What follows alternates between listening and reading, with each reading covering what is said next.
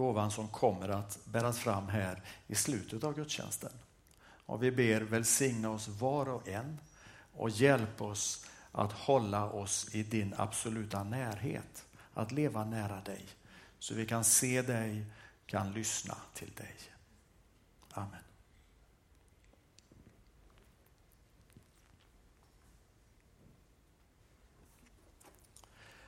Jag ska läsa ifrån Matteus evangeliet Eh, kapitel 7, vers 15 till 21. Och eh, där står det så här då, Jesus säger, akta er för de falska profeterna som kommer till er förklädda till får, men i sitt inre är rovlystna vargar. På deras frukt ska ni känna igen dem. Plockar man kanske druvor på törnen eller fikon på tistlar så bär varje gott träd bra frukt. Men ett uselt träd bär dålig frukt. Ett gott träd kan inte bära dålig frukt. Inte heller kan ett uselt träd bära bra frukt. Varje träd som inte bär bra frukt huggs ner och kastas i elden. På deras frukt ska ni alltså känna igen dem. Inte alla som säger Herre, Herre till mig ska komma in i himmelriket, utan bara de som gör min himmelske faders vilja. Amen.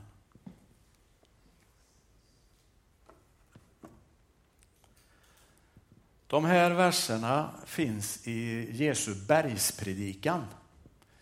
Det är ju Matteus evangeliet består kan man säga av fem stora tal och detta är det första. Och så händer lite saker emellan dem också. Men eh, detta är slutet. Så i början av bergspredikan så kommer saligprisningarna och det kan man ju säga att Jesus säger hur man ska leva. Eh, och varför.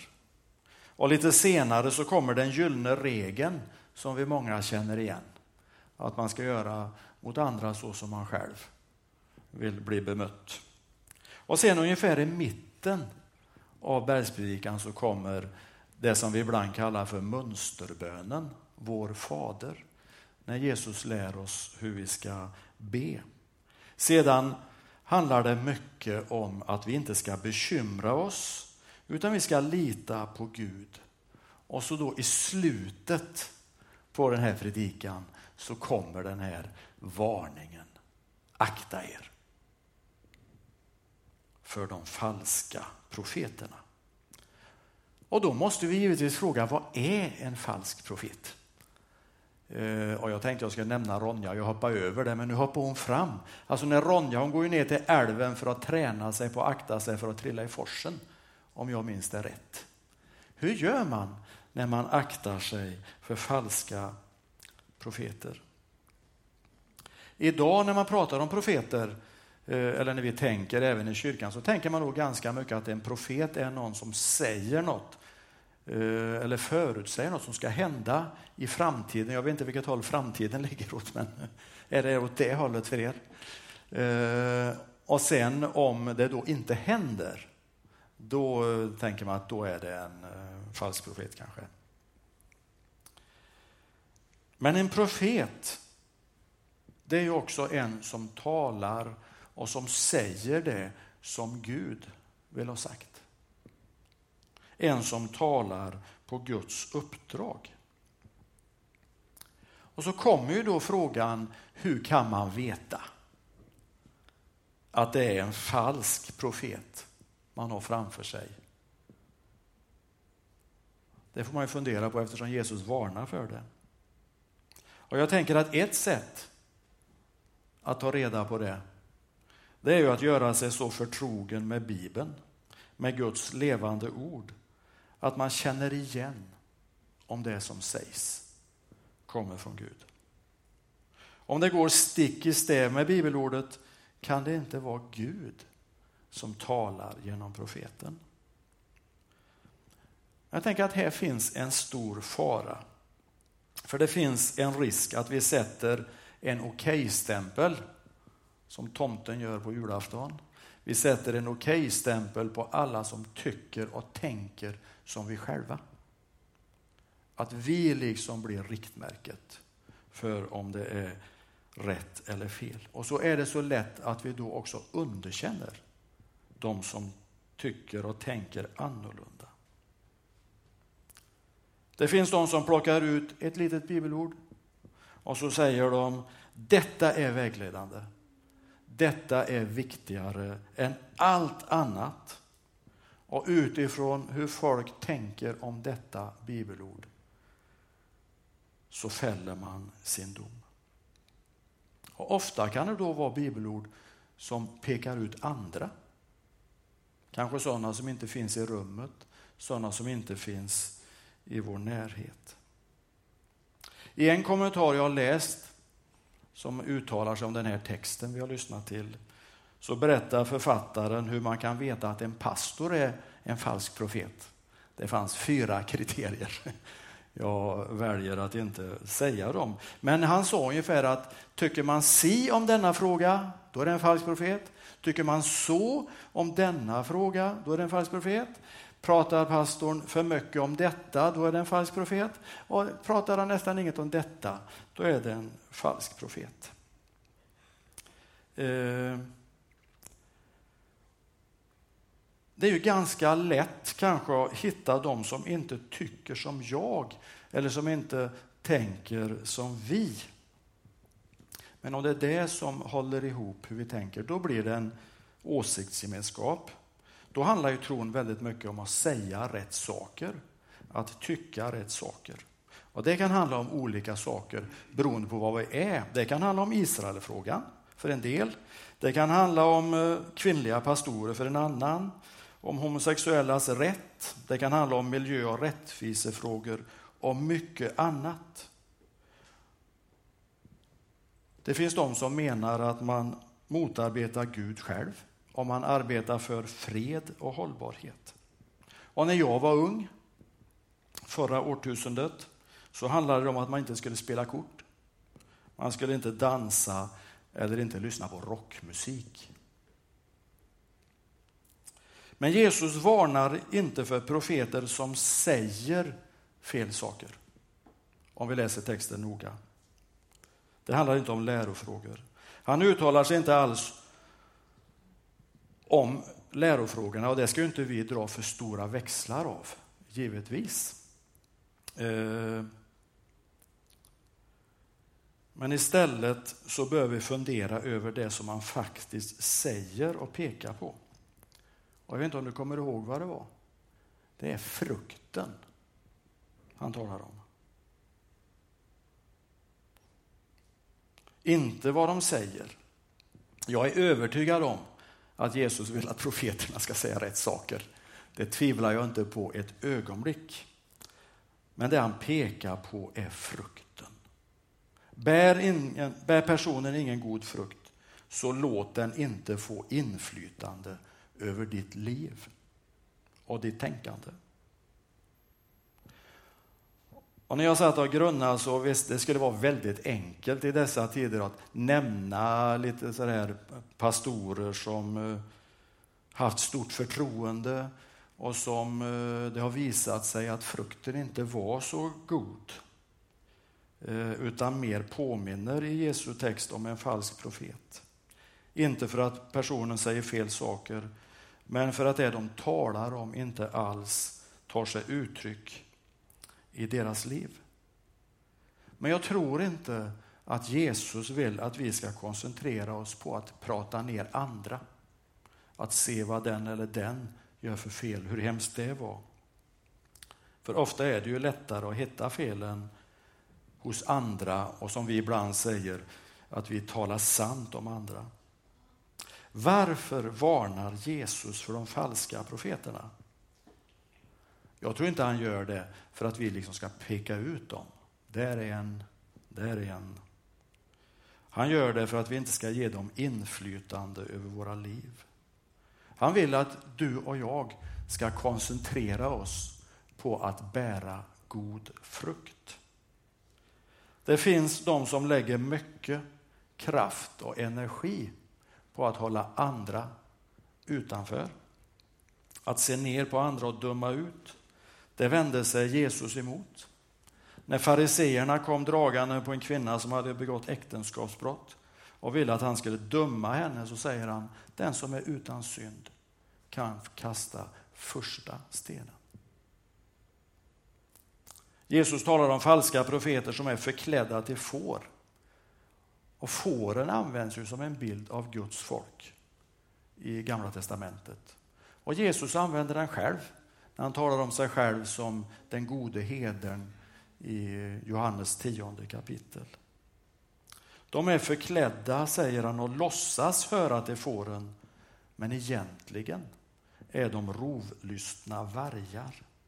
Och alla fårägare vet ju vad som skulle hända om man råkar få in en varg innanför muren där fåren finns. Det är farligt. Det är mycket farligt. Men det här med en falsk profet, får och vargar, det är liksom bara första versen i det här stycket. Det är fem versar som följer som talar om frukten.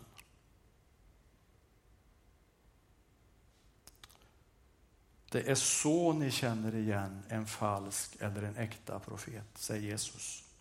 Frukten visar sanningen. Och Jag tänker att det är framförallt det vi behöver koncentrera oss på och fundera över. Vad är det för frukt? Är trädet gott?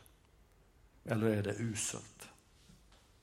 Och för mig, för dig, så är ju den frågan om frukten, den gäller ju inte andra människor givetvis. Viktigaste frågan måste vara att vi funderar över vår egen frukt. Om inte frukten är god, då är inte trädet gött. Då ska det huggas ner och kastas i elden, säger Jesus. Kanske är den varningen också som en påminnelse för oss själva. Vad är det för frukt som växer i mitt liv?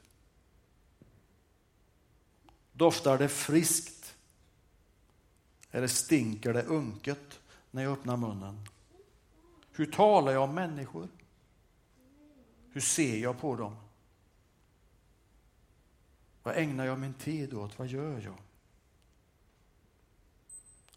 Sista versen så står det, inte alla som säger Herre, Herre till mig ska komma in i himmelriket, utan bara de som gör min himmelske faders vilja. Andlig klarsyn är temat. Det startar inte i rätt åsikter. Jag tänker mig att åsikter kan aldrig leda till andlig klarsyn. Eh, och därför är det kanske inte de med starka åsikter och höga röster som du och jag ska ta rygg på. Andlig klarsyn handlar om att inse vad det innebär att göra vår himmelske faders vilja. Och då är frågan, hur gör man för att fatta det, inse det? Vad är vår faders vilja?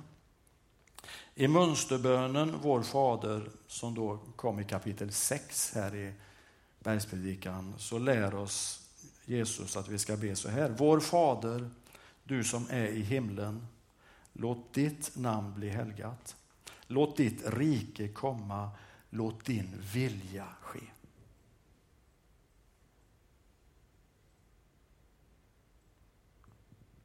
Du har ett liv. Du har en ekonomi. Du har ganska många ägodelar. Du har gåvor som har lagts ner i dig och du har ganska mycket tid som du förfogar fritt över. Tänk dig att du lägger upp allt det på bordet. Livet, ekonomin, ägodelarna, dina gåvor och färdigheter och den tid du förfogar över. Och så ber du vår Fader den bönen med det i åtanke. Det blir som att ställa en fråga direkt till Jesus.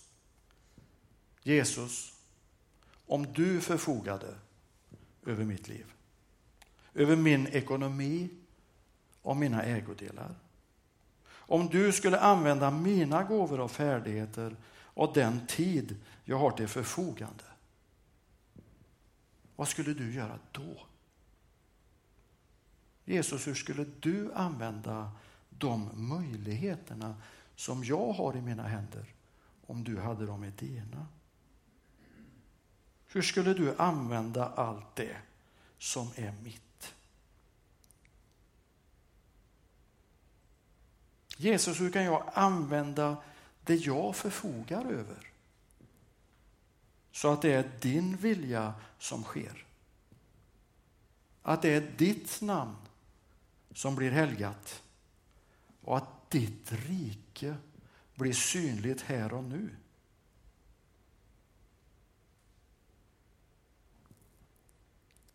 Och kanske skulle någon reagera och säga att så kan du inte tänka med det som är ditt. Då måste du ställa frågan, är detta en falsk eller en äkta profet? För det är en viktig fråga att ställa Jesus. Hur vill du att jag använder allt detta som du har lagt i mina händer?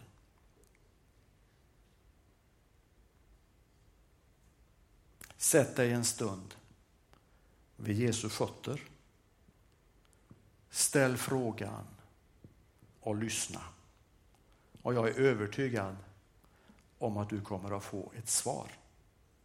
Jesus kommer att peka på saker, kanske på människor, kanske på möjligheter. Här i Andreasförsamlingen har vi en vision. Vi läser den inte ofta, men en liten del av den så står det att vi ska vara en kyrka som visar vägen till Jesus Kristus. Det är bara ett kort utdrag. Jag tänker kyrkan är ju vi, oavsett var vi kommer ifrån. Det är med våra liv som vi kan visa vägen. Och det är den goda frukten som gör det möjligt. Och jag måste ju fråga mig själv, finns det någon gren i mitt liv som borde sågas av? En gren som inte alls tjänar sina syften. Andlig klarsyn är något som växer fram i Jesu närhet. Och om Jesus pekar på något i mitt liv, vad gör jag då? Låter jag honom forma mig till ett redskap för sitt rike? Vill jag gå hans ärenden? Vill jag att hans rike ska bli synligt i mitt liv? Vill jag vara en Kristusdoft som påminner om hans liv? Amen.